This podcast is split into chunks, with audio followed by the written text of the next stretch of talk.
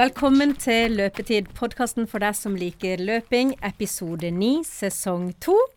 Ja, velkommen. Vet ikke om jeg liker løping lenger. Jeg står her med strekk Ja, vi og har et blått lår. Du har akkurat tatt bilde av rumpa mi og låret mitt. ja, og det skal publiseres, for det er verdt å se. Jeg har aldri sett Nå har jeg skjønt at jeg aldri har hatt strekk. Og jeg har aldri sett en strekk før. Jo, ja, eh, du vet ikke om det alltid skal se sånn ut, men i hvert fall ei sånn fin eh, blodutredning på baksida av låret. Ja, det Som- ser ut som om eh, Finn har vært eh, litt bajas på byen og blitt eh, slått ned med et balltre. Men Det kunne ha vært, men det var løpinga som hadde skylda denne gangen her. Men det, vi kan komme tilbake til det, for det Ja. skjedde nå i helga. Så nå står vi her på en torsdag mm, og spiller inn. Og jeg fortsatt så sliter jeg med å gå. Ja. Mm. Og jeg sliter Du sliter med å gå, men jeg sliter med samvittigheten. Ja. Ja, jeg syns jeg eh, vil beklage for at eh, vi ikke har fått eh, lagd noe podkast før nå. Eh, men den unnskyldninga vi alltid har om at det skjer så sinnssykt mye Ja, men den er god, den. Det, det skjer mye. Nå er jo På jobben min så har det vært veldig mye, og jeg er jo overtatt som sjef, som direktør nå i Fundament. Ja, så derfor så skal jeg gratulere deg. Ja, jeg sa det. Du må, du må kunne gratulere meg med, som sjef og ny jobb. Nei, men, men det krever enormt. I hvert fall det krever den omleggingen vi har gjort der. Og så blir det jo mer tid nå. Så vi kan nok ikke love at vi er oftere ute enn kanskje hver uke til hver 14. da. Mm. men det skal vi klare å holde. Ja. Men hvis du er sjef nå, så kan jo egentlig du bare bestemme alt. Det kan jeg gjøre. Så da kan du bestemme at uh, vi skal prioritere podkast. Og det er veldig bra. Og det skal vi. Ja. Så det blir mer podkast, og vi skal følge Birgitte videre, som er lovt. Det som er litt gøy å se når vi er inne på statistikken, er at vi har passert over 100 000 nedlastninger. Yeah! Det, det var mer enn vi hadde. Vi feira når vi hadde 10 000. Mm. Eh, I kveld blir det champagne. Ja. Ja? det, det må du gjøre. Men det som er hyggelig er jo at folk Det er et ganske stort trykk på, fra folk som ønsker at vi skal legge ut, så ja, det skal vi fortsette med. Mm. Og så håper jeg at det vi skal snakke om i dag, at det er bra, og at det skal komme mer bra de neste episodene. Så må jeg jo si det at det siste episode så skulle, sa vi det med at eh, barn og trening at det er en ting som jeg har veldig lyst til å ta opp. Og flere av dere lyttere har skrevet til oss at det er noe dere gleder dere til. Vi har ikke glemt det. Vi er nødt til å eh, få til en episode med jentene våre. Ja, det skal vi gjøre. Så, eh, så det skal vi få til. Veldig bra. Men, Men- da skal vi ta litt oppsummering, rett og slett. Hva Ja. er det som har skjedd i våre løpeliv? Ja, ikke nødvendigvis oppsummering, for jeg tror sagaen i seg sjøl er, bra. Det har vært tre forskjellige løp som jeg har deltatt på, som jeg tenker kan være litt interessant å gå gjennom. Eh, det første var Kristiansand Ultra. Vi hadde jo, Thomas var jo i studio her før det løpet. Han var arrangør. Eh, og han informerte vel der at det ville bli tøft for de å arrangere den originale løypa, så de måtte legge det løpet litt om. Så, og der deltok jeg sjøl, da. Både på dugnad, bar gjerde på fredagskvelden og eh, sto løypevakt på morgenen. Sto og delte ut drikke klokka åtte lørdag morgen. Og så sprang jeg 20 km sjøl til Ja. Jeg lagde en egen sak på den, så kanskje egentlig det greieste er å gå inn og så få med seg oppsummering av hva som har vært der. Ja, fint. Ja, vi gjør det. Mm. Se der, vet du. Lørdag morgen. Klokka er sju minutter over halv tolv, og jeg er på vei opp for å delta på ultraløp. Eller det, for min del så er det jo ikke et ultraløp, det er 20 20,5 km i veldig tøft terreng, da. Men det er en del av dette KRS Ultra som vi snakka om før. Eh, har stått ute på post, jeg var ute der klokka åtte og jeg har stått på drikkestasjoner for de som springer 60 km. Og rett og slett utrolig imponert over den farta de holder. Eh, Jeg jo ofte ledd litt av de at det løper sakte lenge, men de gutta, de, de presterer altså. Og det er vanskelig å beskrive terreng altså, når jeg sier steintøft, men eh, der som jeg sto på drikkestasjonen, da går de rett inn i en stigning der de spiser 170 høydemeter på 600-700 meter. Det, det er bratt, altså. Det er sånn, jeg tror ingen klarer å springe opp der i det hele tatt, så mange må bare stabre seg opp. Men eh, ja, jeg skal Jeg bruker jo dette som en sånn god treningsøkt før maraton. Så jeg prøver å ha det litt fint. Varme litt opp nå. Det rekker vel 3-4 km. Jeg må få meldt meg på òg. Og så springer løpet, og så springer jeg litt til. Så skal vi se om vi klarer å få tatt noe av stemninga. Så der fikk jeg et nummer òg. Startnummer 577. Og det er liksom god stemning altså å komme tilbake. Nå er våren på plass. Det er strålende sol. Og det er sånn full krok her nede langs sjøen i Kristiansand. Og så er vi med Thomas òg. Du er jo holdt på arrangert siden Jeg vet ikke tid du sto opp, Thomas, men de begynte klokka åtte, de første løperne. Og De har vært ute i fire timer Ja. straks. Eh, akkurat det syns jeg er galskap. Jeg sa akkurat de sa at jeg er veldig imponert over det jeg har sett. De springer fort, altså. Ja, de gjør det. Er du imponert sjøl? Ja, de løper veldig fort. Ja, og lang tid regner ikke at de kommer til å bruke de som vinner 60 km? De brukte 1,42 på første um, ja, 20, meters, 20 km løypa. Ja, så kanskje 5 timer 15, 5 timer 30, noe sånt? Ja. Du, Er du fornøyd med dette, da? Det- det koker jo her nede i- rundt Bystranda og nede mot Gresset. Er du fornøyd? Jeg er veldig fornøyd. Ja, ja, nå skal jeg, jeg skal ut og kose meg, da. Ja. Så eh, jeg har ikke sett det på hvem som er med, om det er noen racere som er med på halvmaraton. Det vet kanskje du? Det er noen, Ja. så uh, du får noe å bryne deg på. Ja, jeg, jeg, jeg skal prøve å ikke bryne meg for hardt. Så jeg gleder meg. Men da smeller startskuddet om et kvarter, så da varmer jeg litt opp, og så er vi i gang. Ja. Ja. God tur. Ja, Har de ikke kontroll forresten sånn på Så vidt, så vidt jeg vet. Ja. ja, jeg så selv på en riksstasjon i stad. Det var god stemning. Musikk og, og godt liv. Det er bra. Ja, tre minutter til start. Ganske en god stemning i et sånt startfelt. Ganske sånn spent. Da er det fire minutter til vi starter. Ber samtlige løpere om å trekke ned mot målbuen. Trekk ned mot er startbuen, i- så gjør vi klar til eh, i alle start om kort tid. Ganske mange ulike størrelser. Eh, det er ganske sånn uformelt eh, terrengløp òg, dette. Og sesongdebuten for veldig mange her på Sørlandet. Nå skal jeg ta og legge fra meg ja, se det. Lykke til. Skal jeg ta og legge fra meg, og så gleder jeg meg til å kose meg. Ja, det er jo kommet i mål her. Fantastisk eh, flott løp. Fantastisk hardt. Eh, det er jo en løype som eh, Det kan ikke kalle et løp, det er jo en ekspedisjon å komme rundt her. Eh, Steinbratt oppoverbakke, veldig kronglete, gjørmete med stein og røtter. Eh, og jeg føler du blir trukket opp på de høyeste toppene og ned i de dypeste dalene. Men eh, sola skinner, og folk eh, har god stemning i målområdet her. Og treffer jo mange løpere. Og dette er liksom sånn egen, eh, egen løpere, som er folk som De er ikke så opptatt av tida. De er mer opptatt av opplevelsen og ja, heier hverandre fram. Så sjøl så jeg sprang til mål sammen med en kamerat, en som heter Terje, på jeg tror faktisk vi ble nummer fire på kortløypa. Sprang hånd i hånd. og Stig André Jansen på vei 44 over. minutter ca. Men ekstremt imponert over de som springer langløp, altså 60 km i dette terrenget. Og jeg tror snittida til de som vant, eller til han som vant, var ca. det samme som vi brukte på én runde. Så ja, det er bare å bøye seg søve. Så Finn, eh, dette her var jo en sånn prøvesmak for deg på ultramiljøet. Hva syns du om det? Oh, det Nei, det, det er to ting. Det ene er det er veldig trivelig. De, de er veldig flinke til å lage den gode stemninga, og, og kanskje ta litt fokuset vekk fra prestasjonen i å springe fort. Eh, men så kjenner jeg nok på det sjøl at det er ikke der jeg er normalt. Her er det ekstremt tunge, tøffe løyper, og det setter de veldig pris på. Det setter ikke jeg så stor pris på, det kjenner jeg. Nei, altså, Så- nei, men hvorfor setter man pris på å løpe så tunge oppoverbakker og skråninger og vanskelig Hva er det Er det det mentale kicket, tror du? Nei, jeg, du, du spør jo feil mann Ja. Mm. sånn sett, for jeg er jo ikke der. Men de finner i hvert fall glede i dette. Og vi treffer jo disse folka ute på tur, og de, og de er ute lenge, og de er ute i tøft terreng, og de samler høydemeter. Ja. Nå er det jo eh, Jeg har jo takka ja til å være med på et ultraløp, og det er jo klart, et etter som jeg har forstått, å melde meg på dette X-Raid. Eh, det var ti mil, sto det, men det er jo Jeg lurer på om det var 15 mil, det viste seg. Jeg, nå er jeg ikke helt på, på G her. Det er i slutten av juni, og jeg har forstått at vinnertida fort er sånn 15 timer. Nå var jeg og sprang eh, Om jeg hadde to timer snaut. Så ja, skal springe sammen med Thomas. Så jeg, Så du er påmeldt. Så det nytter nok ikke å komme med den strekken og, og klage på den. Jeg er påmeldt, sånn som jeg skjønte, ja, og skal springe eh, X-Raid i, i mange, mange mange timer. Sikkert et døgn da, som vi skal holde på å springe. Men det vil jo gå, det vet jeg. Men om jeg setter pris på det, det blir jo interessant å følge ja, kanskje du blir helt hekta?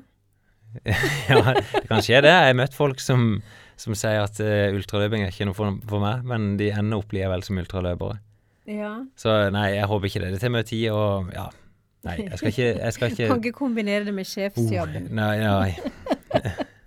Men det er i hvert fall gøy. Jeg kan i hvert fall eh, gratulere Thomas ja. med vanvittig bra gjennomført løp. Og det er ikke tvil om at folk som er der, setter pris på det. Mm. Og det de til og med gjør, og det syns jeg er i god ånd, at de rigger til en bankett etterpå. Ja. Og selv de da som hadde vært ute i var det ni timer, noen av de hadde løpt, de møter på banketten etterpå, spiser mat til kanskje ei øl eller ei brus, har det sosialt, og så reiser de hjem. ja. Det er bra. Det, det liker jeg veldig godt. Det er veldig fint. Så jeg måtte jo ha blitt uh, rulla inn på banketten hvis jeg skulle vært med. Ja. Men eh, jeg gleder meg til du skal løpe. Det blir kjempegøy. Eh, I slutten av juni. ja. Mm. Men du, eh, denne eh, eh, halvmaratonen du hadde på Ultra, det var jo egentlig bare en opptrapping til London-maraton. Ja, har, kommet, han har kommet litt sånn der eh, Det var jo en nødplan, det her til Ja. slutt. Jeg fikk eh, Jeg satte jo fingrene i jorda tre uker før mm, og bare bestemte meg at ok, skal jeg komme gjennom dette på en sånn noenlunde bra måte, så må jeg gjøre eh, ekstreme ting. ja. Så da trente jeg jo i ja, to uker som jeg sprang 14-15 mil i uka, og sprang tremilsturer hver helg. Og så siste uka nå så la jeg inn dette løpet bare for å få en litt, litt høyere fart da på løpinga. Eh, og så reiste jeg til London. Og der, jeg vet ikke hvor mange som følger oss på Facebook, da, men jeg, jeg prøvde i hvert fall å få dokumentert litt av det underveis. Jeg skal lage en egen film òg som jeg legger ut på det. Men eh, jeg filma jo løpet ifra eh, jeg tror helt fra hotellrommet til jeg gjorde klart. Eh, ut og hente startnummeret, fra starten ut gjennom løpet og helt i mål. Mm. Um, så ja, jeg vet ikke om åssen inntrykk folk har fått det. Nei, men, du sa Du har jo aldri vært i London og løpt, og du løp uten disse kompisene dine du pleier å dele Ja. rom med. Åssen opplevde du London Marathon kontra New York og Berlin og disse andre du har deltatt på? Jeg, jeg kan i hvert fall si det å reise muttens alene, det er, det er ensomt, syns jeg, da. Jeg er jo sosialt anlagt. Eh, og nå måtte jeg pga. jobbsituasjonen så måtte jeg skvise dette inn, så jeg reiste ned lørdag og tilbake søndag. Det- litt kjedelig, syns jeg det er. Nå, det var jo sammen med en norsk turoperatør, så jeg møtte den gruppa bare på en info og ble kjørt til start sammen med dem. Men det er gøyere å dele opplevelsen fra du reiser hjemme og gjennom løpet og etterpå. Det er det. Um, men selve maraton, det det er samme ramme som New York og som Berlin. Det er like stort. Du får den samme ordentlig fete følelsen av et store byløp. Eh, det er store, romslige områder før start. Eh, det var så mange toaletter der at eh, jeg sa jo òg, eh, mens jeg filma rundt her, at eh, her er det uendelig. Det kommer ikke til å være én mann i kø, for det var så mye toalett. Og så en time etterpå så var det sikkert 100 meter kø til hver do likevel. For det er så mange tusen mennesker som skal Ja. inn på do på likt. Ja. Men eh, likevel så var det veldig sånn rolig fram til start. Eh, og når startskuddet gikk, så det flyter ganske greit. da. Det er breie traseer og lettløpt i starten. Så jeg prøvde jo å gå inn der med ganske lave ambisjoner. Og jeg hadde sett for meg kanskje sånn 2,40 til 2,45. Eh, og så åpna jeg litt for fort, da. Eh, og, jeg, men, og jeg vil ikke kalle at det var en tabbe, for det, jeg sprang der og dokumenterte, og sprang det for å bare ha det fint og oppleve løpet. Og allerede etter ti kilometer så sa jeg på podkasten her at eh, OK, det gjenger for fort. Jeg vet at dette vil gå galt. Eh, roa litt ned og roa mer ned. Og til slutt, da Det som jeg aldri har prøvd før, det er å gå på et løp. Altså gå bevisst. Ja. Og det var jo noe som Jack White tipsa om når vi var i New York for noen år siden. Han gjorde det, og han har brukt det tipset på mange etterpå. At eh, før du går i veggen, så kan du heller begynne å gå. Eh, så jeg kom, når det var ni miles igjen, da begynte jeg å skjønne at dette, dette kan gå galt. Mm, jeg lå kanskje på skjema til 2,45, noe sånt. Eh, så tenkte jeg nei, skal jeg prøve dette. Eh, og da begynte jeg bare å gå. Da gikk jeg ett minutt når jeg kom til et milesmerke. Og en mile er jo 1600 meter. Eh, da gikk jeg bare ett minutt. Eh, og du får jo publikum Jeg vet ikke om du kan si publikum med eller imot, men det blir veldig trøkk fra de rundt på at du må springe. Men da er det liksom bare ned Jeg sprang med caps, ned med capsen og bare, bare gå standhaftig. Og så når jeg begynte, så hentet jeg litt fra publikum igjen. Pekte fram og fikk masse applaus. Um, men det gjør det veldig mye lettere på slutten, for du har et veldig konkret mål bare noen få minutter foran deg som du skal klare. ja, det er jo litt sånn som uh, at jeg gleder meg alltid til oppoverbakken, for da kan jeg Ja. gå. Mm. Det som, eh, som jeg skjønte ganske fort, at det er jo kuperte disse løypene òg. Ikke veldig kupert, for løypa i London er veldig rask. Uh, så når jeg kom til noen av de merkene, og visste da hvis det var i nedoverbakke, så stoppa jeg ikke i nedoverbakken og gikk. Da fortsatte jeg bare heller kanskje 100-200-300 meter til, til det ble flatt eller mot bakke. Ja. Det tror jeg var lurt, da. Tilpasse litt. Og det jeg opplevde, det var nesten litt sånn flaut, da, for vi sprang Det var noe rekordforsøk fra Guinness rekordbok der folk skal prøve å sette verdensrekord eller engelsk rekord på med kostyme. Oi. Merkelig nok, så det henger jo an. Um, så det var en som sprang i legeuniform, da, med stetoskop og i legefrakk.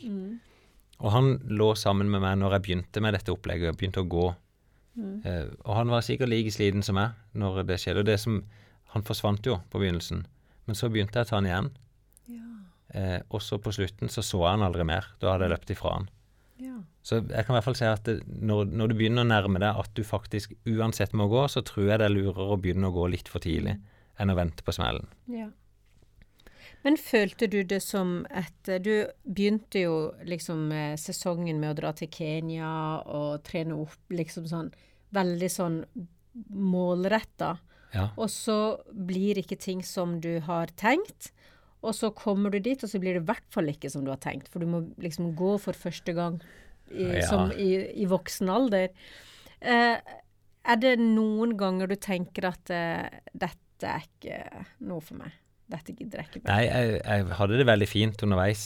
Det er sånn eh, smil og vink. Eh, jeg, syns, jeg klarer å liksom bare gå ned i situasjonen og si at i dag så er det å oppleve London Marathon. Så jeg hadde det fint underveis, men jeg gikk jo helt i kjelleren likevel. Jeg kunne nok løpt fortere hvis det ikke hadde gått. Sånn helt personlig så hadde jeg klart det. Men når jeg kom i mål, så skjønte jeg, jeg vet ikke om de som så på filmen, at jeg skrudde av mobiltelefonen nesten med en gang. Og så gikk jeg bare bortover, og da måtte jeg spy.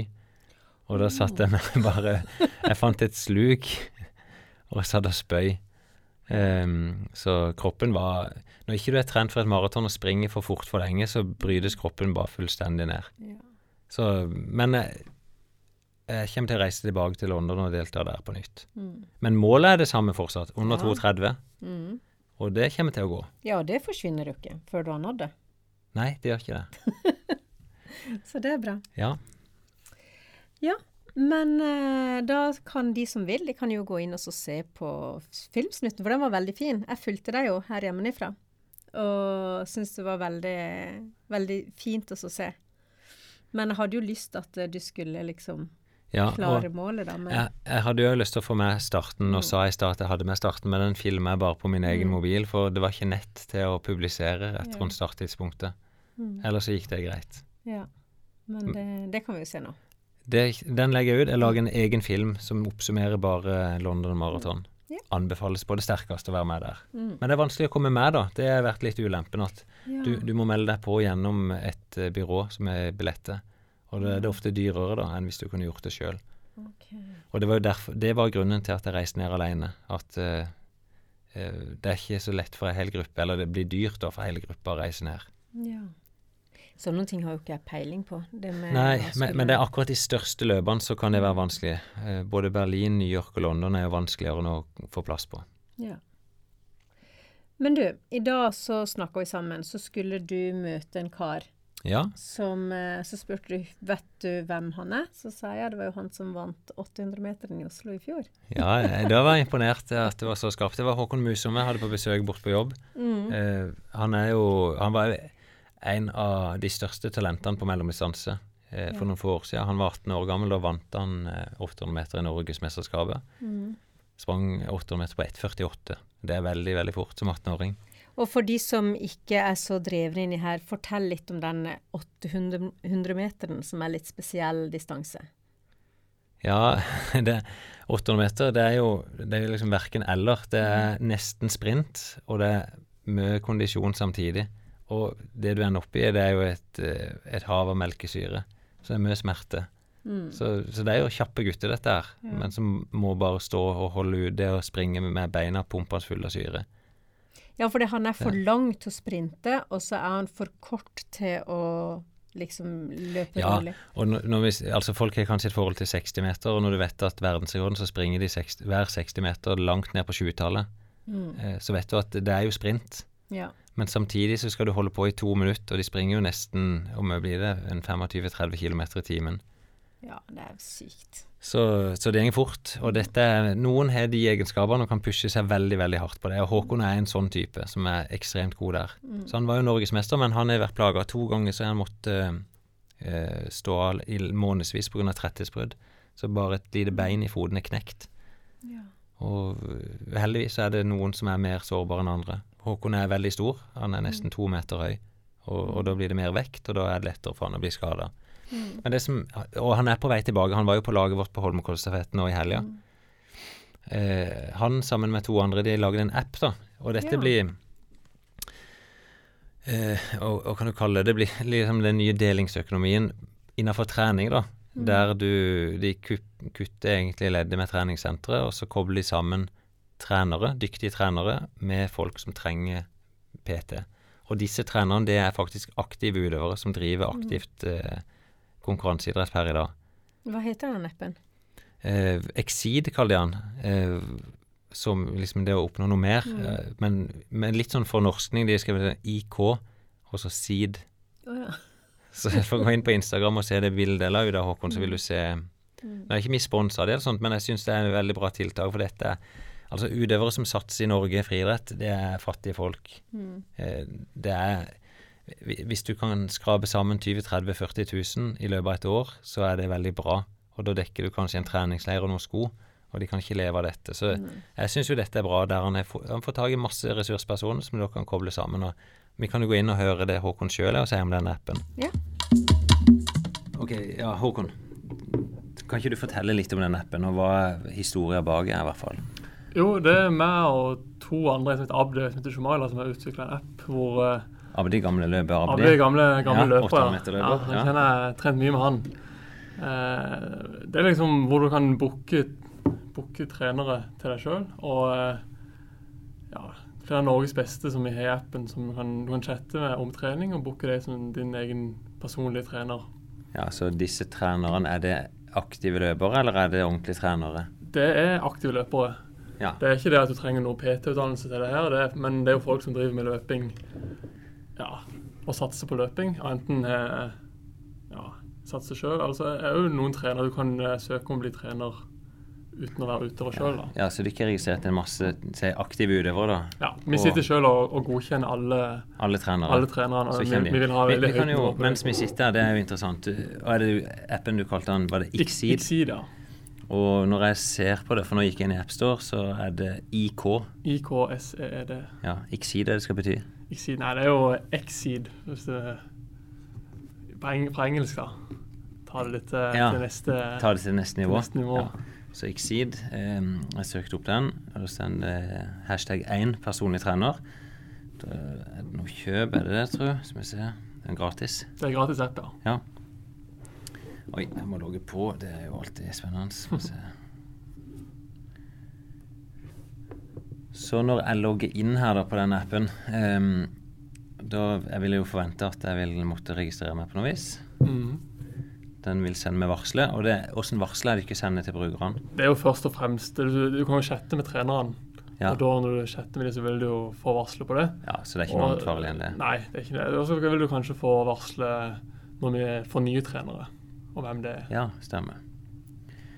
Ja, så det jeg gjør Når jeg åpner appen, så spør han om jeg vil bare opprette ny bruker. Da gjør jeg det med Facebook. Mm. Bruker dataen derfra. Ok, jeg fant ikke e-postadressen min, men det kan jeg bare legge inn. Lite øyeblikk, skal vi se. Og registreringa, hva er det ikke bruker e-posten min til, vet du det? Jeg kan sende litt info i ny og ne. Ja, er Ok, nå har jeg gått inn, eh, registrert e-postadressen min, og så får jeg opp eh, hvilken interesse det har. Løping, langrenn, svømming, tennis eller helse. Da trykker jeg bare på løping. Ja, det var enkelt. ja. Du kan velge litt langere. Det er, Ja, det er litt jeg- for Jeg kan velge løping og langrenn. ja. Det er de vi, idrettene vi har trenere i. Vi ønsker jo å ha flere trenere etter hvert, men vi ser jo nå at altså på vinteren så er det langrenn, og, og på sommeren så er det løping som er det mest populære. Stemmer. Og da ser jeg her hvilket nivå er du på. Det er spørsmål. Og da hevder du ikke i hvert fall ja. Vi skreddersyner personlig sidetrener med det til tanken. Ja. Elite mosjonist på snittet eller lite aktiv. Så hvis jeg gjør Det er vel et praktisk eksemplar på hva en mosjonist er. veldig, veldig bra Supermosjonist. Ja, det fins ikke det nivået her. Nei. Men da velger jeg nivået jeg er på, og så så jeg alder. Da er jeg jo mellom 41 og 50 år gammel. Og så kan jeg velge å laste opp bilde. Det trenger jeg ikke nå. Er skip. Og så hvor er vi i landet? Da er du i Oslo. Og ja, du er litt ulike byer. Oslo, Bergen, Stavanger, Lillehammer, Trondheim og Akershus. Det Ja. er der. Sånn som det er nå, så er jo eh, det er jo litt begrensa hvor vi har trenere. Ja. Og vi har veldig mye trenere, spesielt i Oslo, for det er jo der vi holder til. Men ja, ja, rundt om i landet så er det litt forskjellig. Ok, og nå, nå er jeg kommet inn, da. Jeg logga inn som meg sjøl og sagt litt nivået mitt. Og så får jeg opp her, ser jeg opp Silje Fjørstoff, Snorre Holtan Løken, Erik Ude Pedersen, Thomas Roth. Masse kjente løpeansikter for meg, da, som er trener. Mm. Men hva gjør jeg nå? Eh, Kan jeg begynne å chatte med disse uten at det koster noe? Ja, ja, det kan du. Det er to forskjellige ting du kan gjøre. Du kan uh, gå inn og chatte med hvem du vil. Ja, Eller du kan uh, bare eh, etterspørre en time med en gang. Ja, der, nå trykker jeg f.eks. på ditt navn, for du Ja. ligger inne som trener her. Mm. Du har fått fem stjerner rating, og du kalles verifisert. Eh, der står litt om det, at du har erfaring som toppløper. Blant annet er du norgesmester to ganger. Og vært landslagstrener i løpsteknikk for Norges orienteringsforbund. Og så sier du at du kan hjelpe folk med løpeteknikk, utholdenhetstrening eller løpsspesifikk styrke. Mm. Eller bare chat. Ja. Så her kan jeg egentlig bestille en time. Si jeg har lyst om løpeteknikk. ja, du trykker på chat eller bestill, Å ja, bestill. Ja. Og så ja, antall personer. Så her legger jeg egentlig bare inn en privattime, f.eks. Og jeg kan velge med en venn eller opptil sju venner.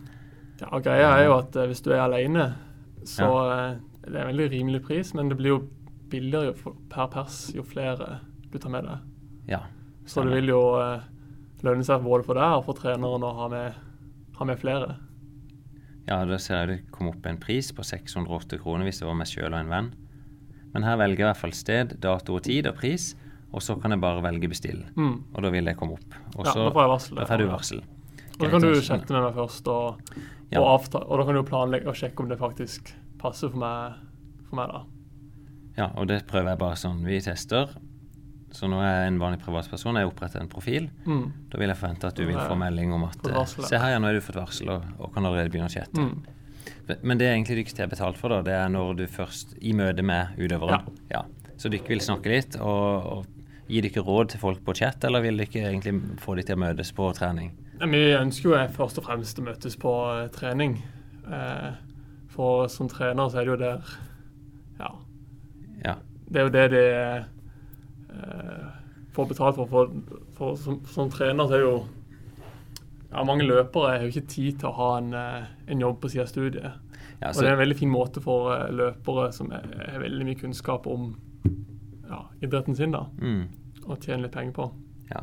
Det Så det å chatte, det, er, Tjener ikke mye penger på det. det tjener ikke penger på, men, men allikevel så må man jo Ja, det er noe man kan Ja, og jeg ser det, som jeg sa, ikke sant, mange aktive, kjente fjes her. mm. Nå er jeg inne på uh, kundeprofilen min. Her skal jeg gå ut og kan du se på trenerprofilen. Ja.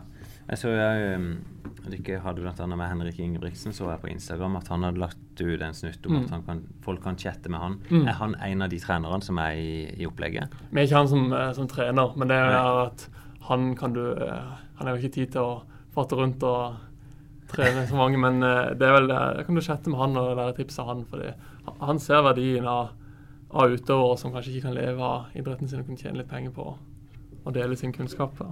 Ja. Nå har du fått melding av meg, og der står Finn Kolstad. Det er en snømann. Ikke lasta opp noe profilbilde. Ja. Men hvis jeg hadde gjort det, så hadde du fått jeg bilde av det her. Ja, Og da er det greit med når jeg ser du bestiller, så vil jeg jo kunne se at ja, ja, for, litt sånn nivå og alder og vite litt, litt om det. men, men åssen type løpere Når jeg kikker inn der og ser disse profesjonelle løperne, så tenker jeg kanskje at terskelen er litt høy for en vanlig mosjonist å, å tørre å møte opp. Mm. Hvem er det ikke henvender dere til? Nei, vi har hatt mye økter med bedrifter. Ja. Og eh, ja, i Oslo så har vi hatt jevnlig, spesielt fram mot rollenklassafetten, så ser vi det er mange bedrifter som ønsker å ha løpetimer for en samlingspunkt for, eh, for alle ansatte. Så det er litt på tvers av avdelingene og bli kjent med de du skal løpe med på laget. Ja, så er inn i det som en ressurs Der har vi og hatt, eh, hatt ukentlige økter med flere Ja. bedrifter. Men gjør dere type foredrag først, eller bare møter dere i treningstøy? og Der møter vi i treningstøy, men eh, vi har jo hatt eh, forespørsel om foredrag der vi har hatt inn eh, Thomas Lewandowski som foredragsholder for, for oss. da. Og Stemmer. han er jo en av Han er en av verdens mest anerkjente trenere. mm, Og dette funker. Så ja, nå er det jo vært chatten her. Kan du vise meg en Ja. typisk bestilling du, Håkon? Ja, nå vil ikke jeg få noen bestilling, men her, her er det for en oversikt over mine bestilte time og mine fullførte. Så sånn som når jeg er inne som trener, så kan jeg ha en oversikt over mine. Nå er jo Ja. appen helt ny. Ja. Men eh, Og, du, du sa det var du og en til som hadde starta appen. Er det ikke flere som sender bak? ja, det er meg og han Abdi, og så er det ei til som er mer på den IT-tekniske delen. Stemmer. Og så Ja. har vi ja, Men egentlig, nå, vi har jo en del lyttere på podkasten, både løpere og trenere. Men er det sånn at du ønsker at folk som melder seg inn som trener til dere? ja, absolutt. Ja, er det sånn at i det øyeblikket du har én trener her i Kristiansand, så tilbyr du appen her òg? Ja, Ja. Vi, vi har jo eh, Vi har Sigurd eh, Sigurd? Ja, Sigurd stemmer. Tveit. Ja, men jeg så ikke Kristiansand lå inne i oversikten. Ja, det gjør kanskje ikke. Så det må du Ja, ikke oppdatere, da. Ja, Men det vil si at når, når du får inn trener, så kan folk begynne å booke sånn type Mm. økter. Så bra. Men åssen eh, vil en trener kunne henvende seg til deg? Er det bare å finne deg på Facebook, eller er det gjennom Exceed? Hva mener du en trener? Hvis jeg har lyst til å melde meg inn som en Ja, du du søker i appen din. Så Hvis du går inn på Exceed, så kan du, og på meny så, kan du, så står det 'bli Exceed-trener'. Ja, stemmer. Så når du laster ned appen, så kan du gjøre Ja. det? Så for, for trenere òg, så er det det, ja, helt der, nederst der. ja, på innstillinga 'bli XI-trener'. Så det kan jeg gjøre. Da legger du, info, legger du inn info om deg sjøl, og så sitter vi og verifiserer det. Skal vi se. Ja, for da går jeg kort igjennom litt. Og da, i hvert fall ut ifra de folka jeg ser, så er jo dette folk du kjenner, stort sett. Ja. Men hvis du ikke ønsker å lude rundt i landet, det blir jo spennende å se nå om noen hører på podkasten og melder seg inn enten Mm. som trener eller bestiller time. Vi har jo en del eh, langrennstrenere i vinter og hatt noen timer på, spesielt på Sjusjøen. Ja. Da samles de jo i ferien. Men blir det jeg så, Det så ikke veldig dyrt ut. Det var 600 kroner for en løpetime. Ja, det var to, to personer. Ja, til sammen. Ja, til sammen. Ja. Og hvor mye er det treneren sitter igjen med, sånn cirka? Treneren får 80% av det. Ja, så bra. Så ja, det- så det er en veldig sånn åpen modell. Ja. Dykker som drifter appen, får ca. 20, og så er det treneren sitter igjen med 80. Mm. Og da som en trener så er det ganske ja, greit betalt for en eh, time med noe de driver med til, vanlig og elsker å drive med. Ja. Og det blir ikke sånn her at eh, når de først har hatt en time, at de bare booker privat etterpå. Nei, det er jo noe vi ønsker å eh, unngå. Selvfølgelig. og det har vi litt retningslinjer på. Ja. Så er det jo Hvis du sammenligner det her med priser på en PT så det er ikke, Her er ikke snakk om noe bindingstid eller noe treningssenteravgift. Her møtes du i parken og løper en tur og kjører litt eh, teknikkøvelser. og Jeg syns jo konseptet er kjempebra, og langt på vei så er det jo det jeg gjør. Jeg har jo ofte gjort det gratis bare med folk som trener ja, at de vil ha en løpetur. mm. Eh, men dette er jo helt genialt. Her kan utøverne trene Mm. folk og tjene en liten slant penger. Ja, jeg merker det sjøl at eh, Og, jeg er blitt spurt av PT om, om løping, ja, og det var eh, ja, ganske basic. Og det er noe de jobber med å tjene, tjene masse penger på. Vi løpere sitter med masse kunnskap om, eh, om løping som man ikke får spredd. dette blir jo som det nye Airbnb og Mm. Uber innenfor løpet, Mm. eller innenfor trening, da. Der Mm. du plutselig tilgjengeliggjør treneren direkte mellom forbruker og Ja, du trener. gjør det. Og hvis ikke du vil chatte med det, så kan du bare etterspørre en, eh, en økt. Ja. Skrive når og hvor. Og så vil treneren få varsel om at nå er det noen som etterspør en økt, og så kan alle som er tilgjengelig da, De kan melde seg de på. kan melde seg, Ja. og så må du, kan du velge blant de som har meldt Ja. seg. Hvis det er store grupper, kan det komme flere trenere, eller er det alltid én? Ja, vi, vi pleier å ha litt sånn én til én. Så ønsk, eller når du booker én trener, så ønsker vi å ha eh, litt begrensa antall. Hvis du er for større gruppe, Ja. så ønsker vi å ha flere trenere for å ha bra nivå på, på økta å gi, gi tilbakemelding til alle. Så når vi har hatt med bedriften, så har vi jo vært store grupper, og da har vi to trenere på alle øktene. Ja, så bra. Du, eh, det høres jo ut som vi reklamerer for den appen, og det er på et vis det vi gjør. Mm. Men vi får ikke noe for det. Så, men Nei. jeg kan jo bare ønske dere lykke til, Ja. og så håper at folk bruker appen, for det, jeg syns det er et fantastisk bra tilbud. Ja, takk for. Så ser du kommer fra Du kommer i hvert fall her i løpetøyet sjøl, har vært på stadion og trent. ja. Jeg har brukt med Sigurd Tveit, og han er i bra slag. Ja, du er jo norgesmester sjøl på 800 meter, og i fjor vant du stafetten på NM før du fikk nok et rettighetsbrudd. Og åssen er dine ambisjoner akkurat nå? Nei, nå eh, Jeg ser litt framover. Det har vært tungt i vinter når du går tre måneder med eh, krykke og gips. Det syns jeg Mm. Ja, det er ikke første gang du gjør det heller. Nei, det er ikke det. Og da, eh, når du får de tilbakeslagene, så er det brutalt. Men sånn som i dag, er kjempegod opplevelse å løpe i gjøre baneøkt med Sigurd og Ja, så, så du vil og- tilbake på banen? Ja, det Ja. var jeg, har hatt flere oppturer sist. Pila peker riktig vei, og da er det gøyere og gøyere å løpe. Ja, tør du sette noen mål for sesongen? Er det noe som skraper bak i nakken? Nei, denne sesongen er på en måte De målene jeg har satt meg på denne sesongen, er, de er kjørt. De er kjørt, det var stafette. Ja, for Ja, målet har jo vært eh, EM da denne sesongen, men jeg skjønte eh, i vinter at det går ikke. Ja. Så eh, jeg vel Nei, jeg har ikke sett meg noen mål ennå på Nei. denne sesongen, men Men det ligger kanskje en NM-finale ute i august? ja, det gjør det Det alltid. må være Ja, det gjør det. det, er alltid det. det er jo på Byrkjelo. Ja, er det, og det var der du ble norsk mester som Ja, 18-åring? jeg gode minner fra den banen der. Ja, så bra. Nei, du må bare lykke til, og Ja, fortsatt god trening. Og ikke minst lykke til med appen. Jo, det takk, blir takk. veldig spennende å høre responsen. Mm. Ja, det var jo kjempespennende å høre. Jeg har jo ikke lasta ned appen ennå.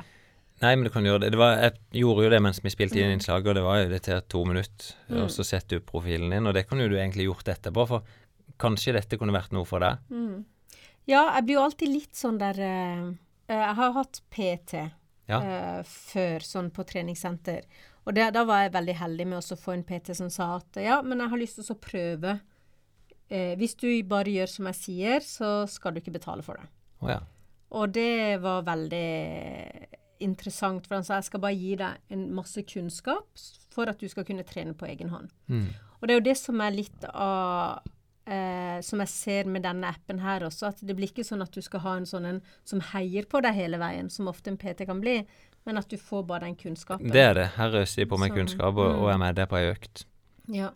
Og nå driver de og bygger dette ut, for de trenger jo både trenere, men de trenger jo folk som bruker det. Mm, Så hvis du melder deg inn her i Kristiansand, så vil f.eks. jeg kunne være en sånn type ressurs. mm.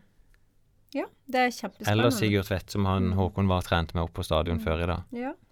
Mm, Så jeg syns um, Du kunne sagt litt, for du driver jo trener Det er jo liksom det, Du har et lite prosjekt inni dette, du òg, der du skal Ja. springe en halvmaraton i høst. Ja, jeg, jo, jeg har jo sagt at jeg skal bli med Birgitte på halvmaraton i Oslo. Ja. Så jeg har jo hatt som mål nå å løpe tre ganger i uka. Jeg følger terrengkarusellen. Det er jo én gang. Ja, og terrengkarusellen Vi hadde jo et innslag på det sist. Mm. Det er jo tre til fem kilometer stort sett i, Ja. i veldig forskjellig terreng. Det er jo du opplevd nå sjøl. Jeg var litt sånn eh, cocky etter første gangen. Ja. For jeg tenkte dette her er jo barnemat. Og så kom neste løype. Ja. Og det var jo noe av det mest kuperte jeg noen gang Jeg var med på det løpet sjøl. Veldig tøft ut på noe som heter Odderøya her utenfor Kristiansand. Men jeg har jo vært på Odderøya så mange ganger, og jeg visste ikke at det fantes så mange bakker. Nei, de er, de er gode der. Det var veldig kupert og eh, Men, utrolig men det er jo noe av det som gjør Ja, det er jo noe av det som gjør det litt interessant, at det er litt variasjon i de løypene. Ja, og så har jeg vært oppe i Baneheia, som er liksom rett utafor huset mitt, og løpt steder jeg aldri har løpt Nei. før. Så det er utrolig gøy. Og det blir liksom sånn den ene turen i uka. Og så følger jeg samme appen som Birgitte. Den Run-appen. Og hvor er Hvor jeg følger de intervalltreningene. Og det Mm. nå er jeg oppe i liksom sånn at du løper i fire minutter, spurter, og så eh, løper igjen, og så er det litt pause og litt sånn forskjellig. Jeg syns det er kjempeinteressant, det der. Mm. Det- Det å bare ha med seg en virtuell partner som hjelper Ja. deg, og et program. Eh, og så har jeg prøvd meg på sånn times eh, løpinger. Så jeg Men jeg Og nå springer du ute hele tida, gjør du ikke det? Ja, ikke i intervallene ennå. Nei, de springer du på mølle? Ja, okay, ja. for det har jeg prøvd å ta innimellom jobb. Uh, og på grunn av dusjemuligheter og alt sånt der, så gjør jeg alt inne. Ja, ok. Ja, det ser du jo. eh, Men jeg, Jeg har veldig nok lyst til å begynne det- å løpe intervall ute, for det gjorde jeg jo i fjor. Ja. Det var jo veldig deilig. Det, det kan kjennes veldig digg ut å bare gjøre det på mølla, men det er faktisk enda bedre å komme seg ut når du først gjør det. Men det er litt vanskelig å beregne farta.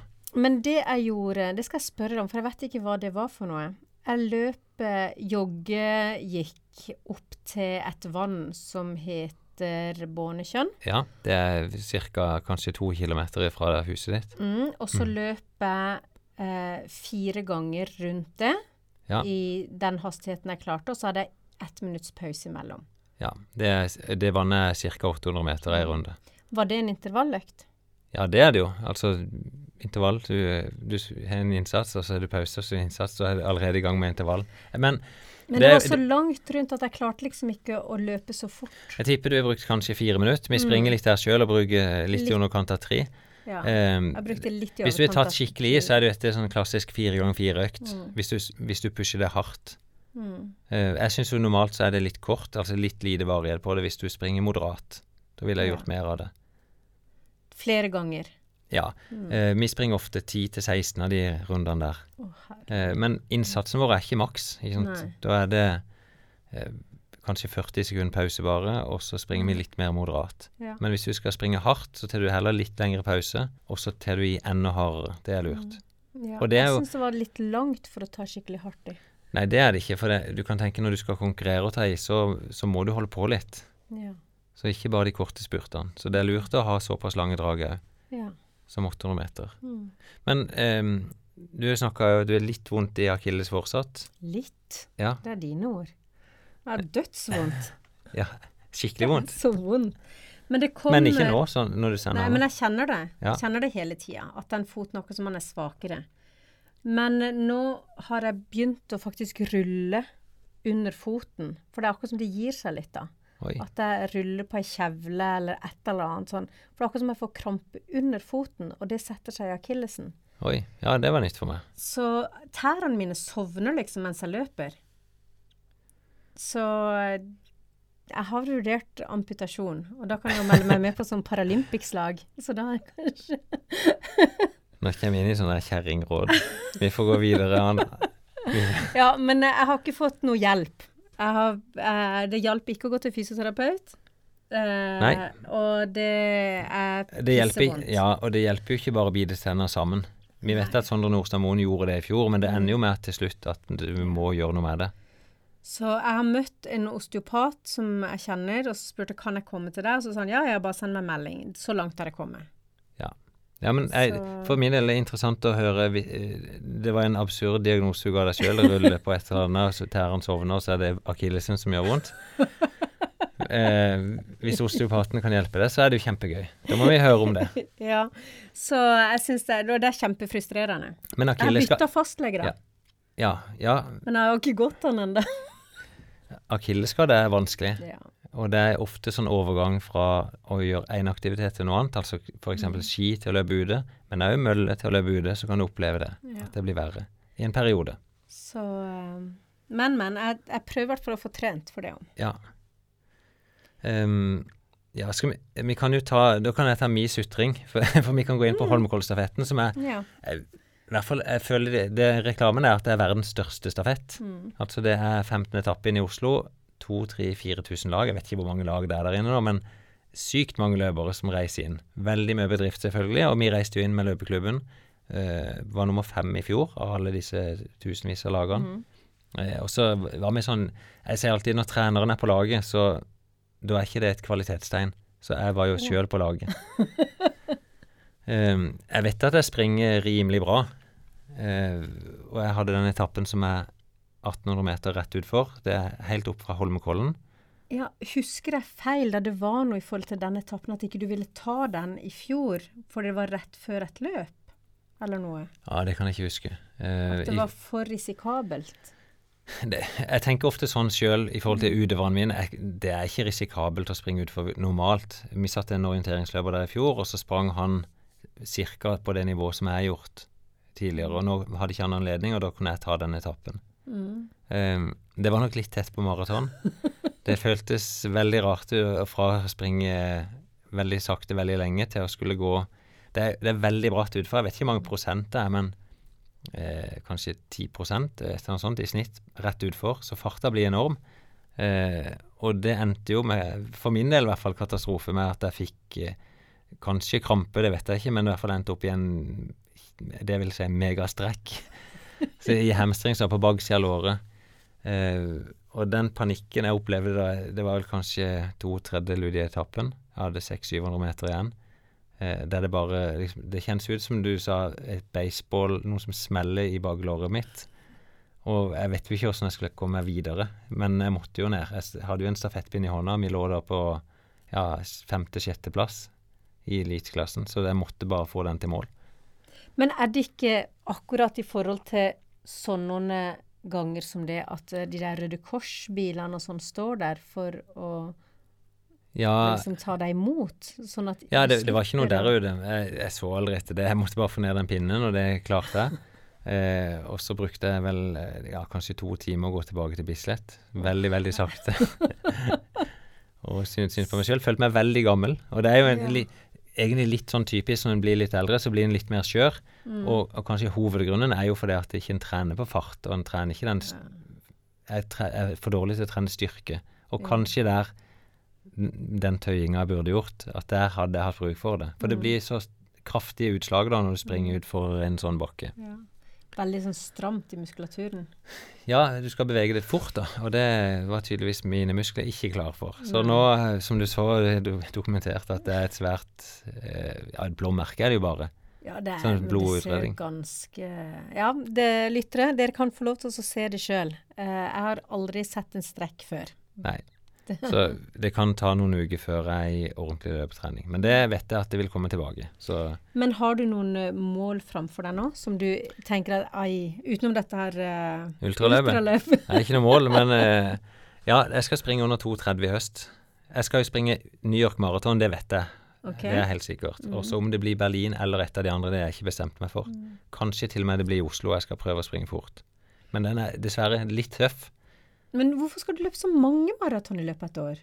Nå begynner Nei, men New York er opplevelse, og der, eh, det er mitt femte løp nå, og jeg har muligheten for å komme i det de kaller sub elite, Mm. som er liksom å komme eh, Bli bussa inn på rød løper i et Ja. oppvarma telt. Jeg har lyst til å prøve det nå i ja, år.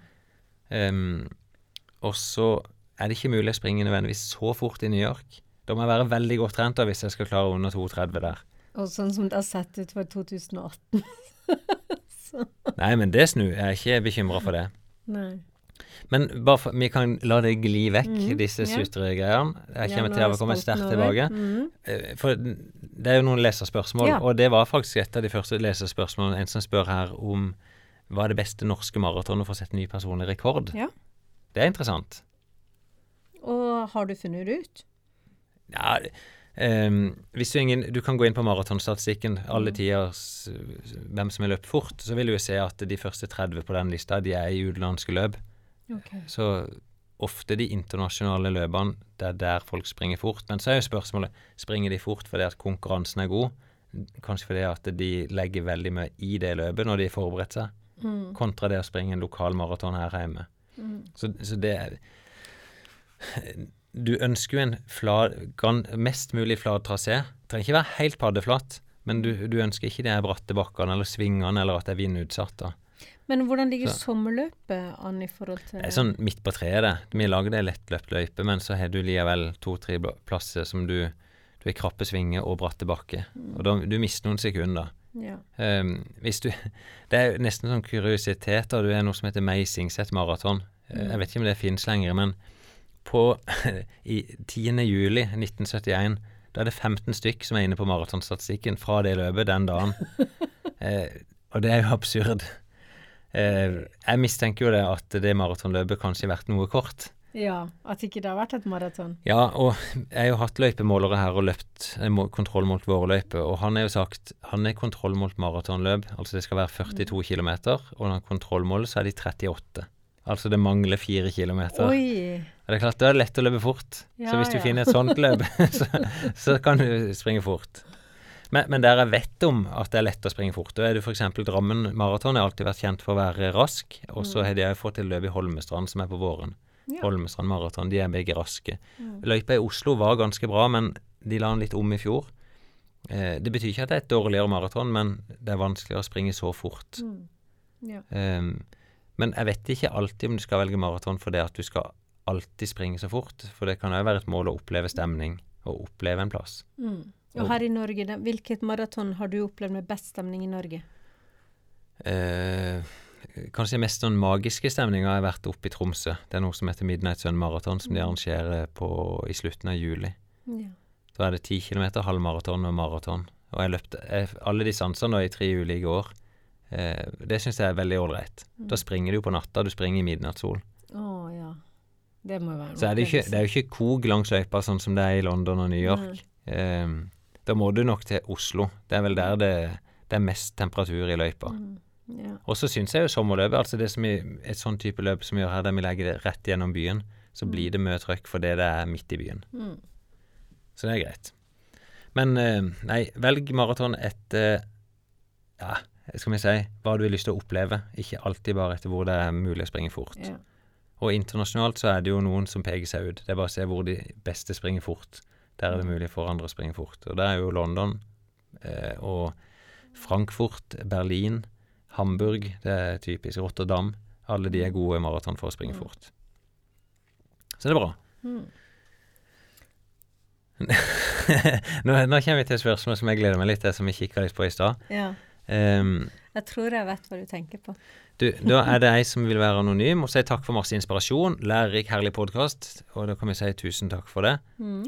Eh, hun har jo løpt i mange år, sliter med et problem. Kan vel si at 90% av alle løpeøktene mine de siste ti årene endrer seg Nei, ender med en dotur i ja, sånne tødler. Jeg vet ikke hva det betyr, men hun er på do, da, tydeligvis. Og sikkert Og kanskje ikke på én do, men at hun rett og slett må på do. Ja, og da skjer det akutt, ja, nettopp. Og det er derfor blitt mye mølletrening og skog. Ja. Asfaltløping i boligområder er ikke noe særlig. Det har gjort at jeg ikke tør å melde meg på asfaltkonkurranser. Problemet skjer kun under løping, aldri under langrenn og sjelden motbakkeløping. Men alltid på vei ned.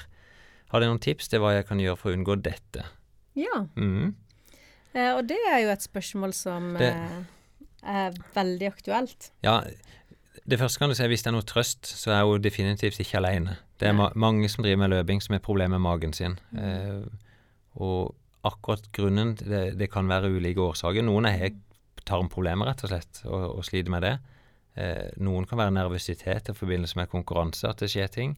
Eh, og så er det jo akkurat dette Hun beskriver noe som en kan mistenke òg her. Hun får det ikke når hun er på langrennsski, hun får det ikke når hun springer opp, men flatt eller utfor. Altså når det blir så mange støt Mm. at du på et vis bare dunker restene av maten da nedover, Mm. eh, sånn at det må tømmes.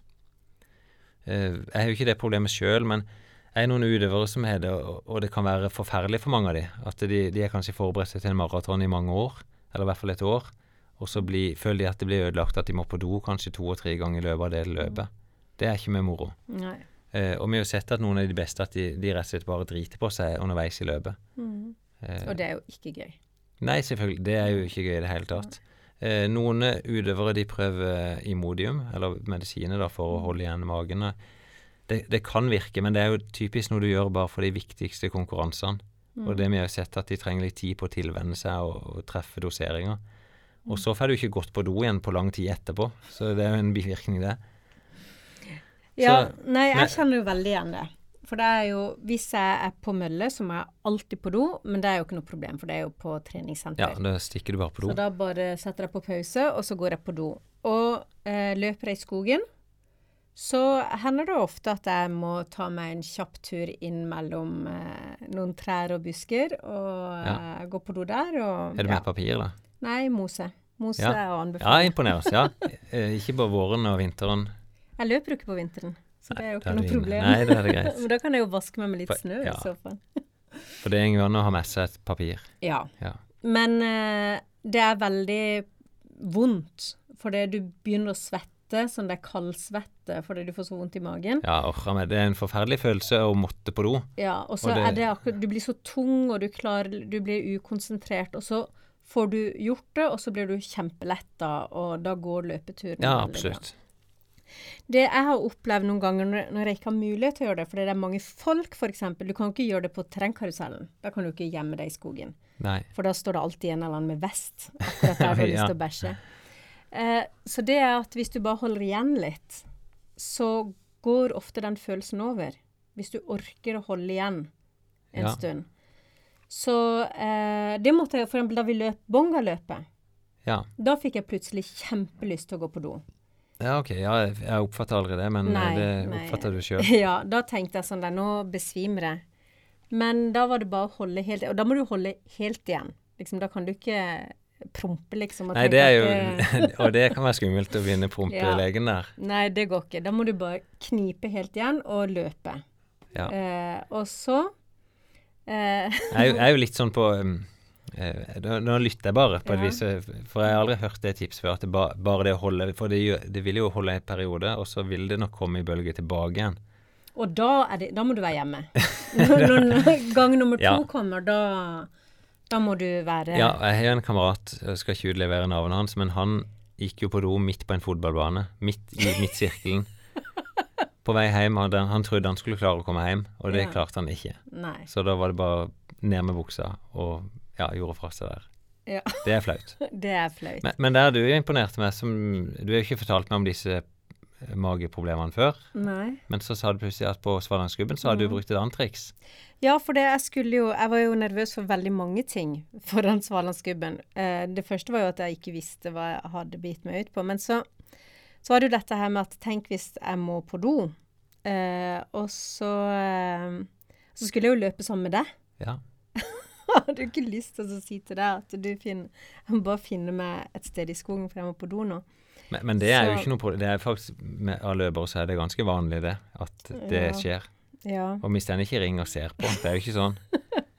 Men så, så snakka jeg med min gode mor, da. Og sa mamma jeg er så bekymra. Tenk hvis jeg må bæsje mens jeg er ute og løper. Og hun bare «Å, du er alltid med de der problemene dine. Gå på apoteket og kjøp eh, mikroklyks eller sånn klyster. Ja. Eh, så jeg bare OK. Så gikk jeg ned på apoteket. Hun ble med. Og jeg er jo bare 38 år gammel. så måtte jeg med mamma.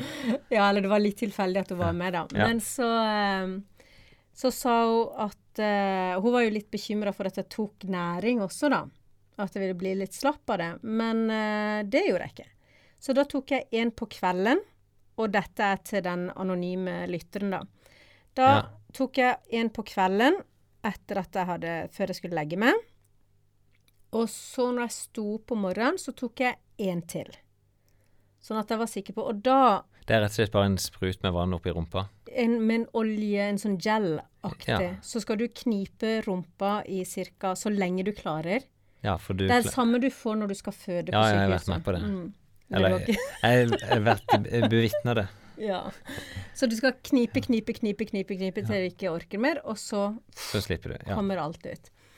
Eh, og det gjorde at jeg løp hele Svalandsgubben uten å ha lyst å bæsje en eneste gang.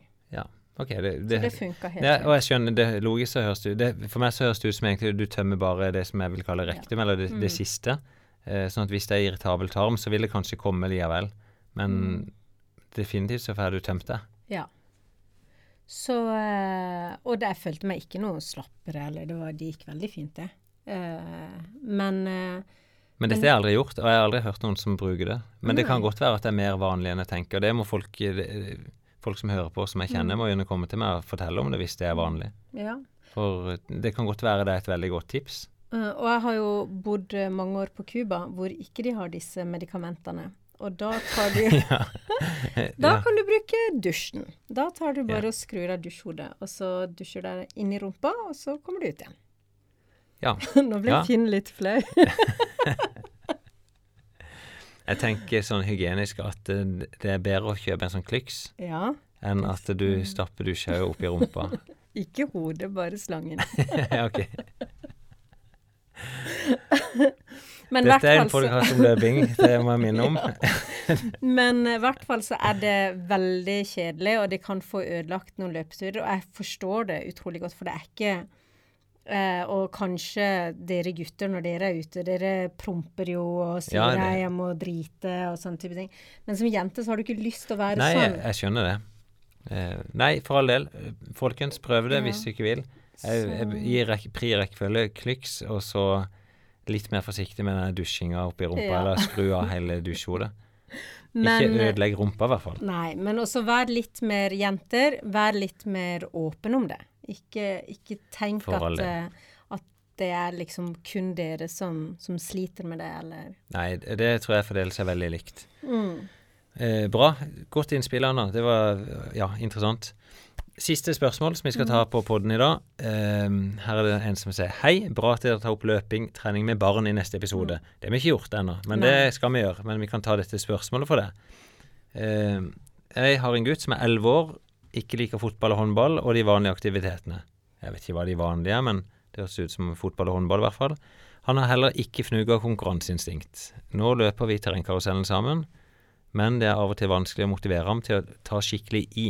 Han er sprek nok, men trigger som sagt ikke av konkurranseaspektet. Har dere tips og erfaring med hvordan jeg kan bygge opp løpeglede og motivasjon? Han kan bygge opp, ja, men det er greit. Jeg tror jo at måling av forbedring vil kunne gi motivasjon, men da må man ta i litt. Mm. Hva tenker du om det? Oh, eh, ja eh, eh, Det er jo liksom det første som slår meg. Jeg tror ikke pappa kan gi motivasjon. Den tror jeg må komme fra sønnen sjøl. Så det, det, handler jo om å legge til rette. Og det er noen ord som blir brukt som jeg tenker liksom mm, Du er jo gamle Willy Ryler som er liksom treningspsykologi når du, når du begynner å snakke om må, bør og skal. Mm. Eh, når han snakker om at eh, da må man ta i, eh, så er ikke det sikkert noe som trigger positive ting hos gutten. Mm. Det, eh, Willy Railo var jo alltid på det jeg vil, tør og kan. Mm. Um, og jeg tenker jo at eh, la folk elske løping, så vil konkurranselyst komme hvis det er naturlig for dem. Eh, jeg er ikke veldig sånn glad i at pappa skal springe sammen med sønnen. men veldig fint å ta sønnen til arenaen, kanskje varme opp sammen men la sønnen få gjøre det sånn som han ønsker sjøl, så kan det godt være at dette dukker opp av seg sjøl. Mm. Eh, for i mitt hode nå så gjør sønnen dette på pappa sine premisser. Ja. Eh, og det er ikke sikkert det trigger sønnen. nå kjenner ikke jeg disse, så, men det er i hvert fall sånne tanker som vil slå meg. Mm. La barna få lov å oppleve det sjøl. Kanskje eh, sønnen kan ha med seg en kompis, så kan de løpe sammen? For ja. Mm. ja, men jeg tror ikke du får konkurranseinstinkt av å springe sammen. Så hvis vi hadde avtale å gjøre det, så vil det alltid være på premissene til en av oss. Mm. Ja. Så liksom ut og kos deg med løpinga, mm. og så vil Jeg tror jo dette vil komme av seg sjøl hvis mm. det ligger til rette for han. Ja. Så bra initiativ, og så ja. Mm. Men uh, vi har vært gjennom litt av hvert i dag. Ja. Mm. Så uh, nå framover så kommer jo løperne på rekke og rad som perler på en snor. Ja, det er jo det tilbudet å være på løp uh, mange hver uke. Mm. Jeg tror jo det er lurt å bruke det som god trening. Det opplever du litt sjøl. At det, du, det er lett å pushe seg og, og bruke det som ukas hardeste økt. Med en gang du får et startnummer på brystet. Mm. Og så er det, Jeg syns det er en fin arena for å lære å konkurrere. Mm. Da kan du prøve å åpne hardt og prøve rolig. Du kan prøve med oppvarming uten oppvarming. Mm. Alt. Ja, og så er det det at du kommer deg faktisk ut. For ja. jeg har jo løpt uten tid, da. Uten tidtaking. Men eh, det, en, det å komme seg opp og løpe, det er en uh, fin ting. Ja, så bra. Det er gøy å høre at du faktisk finner motivasjon i det. Mm.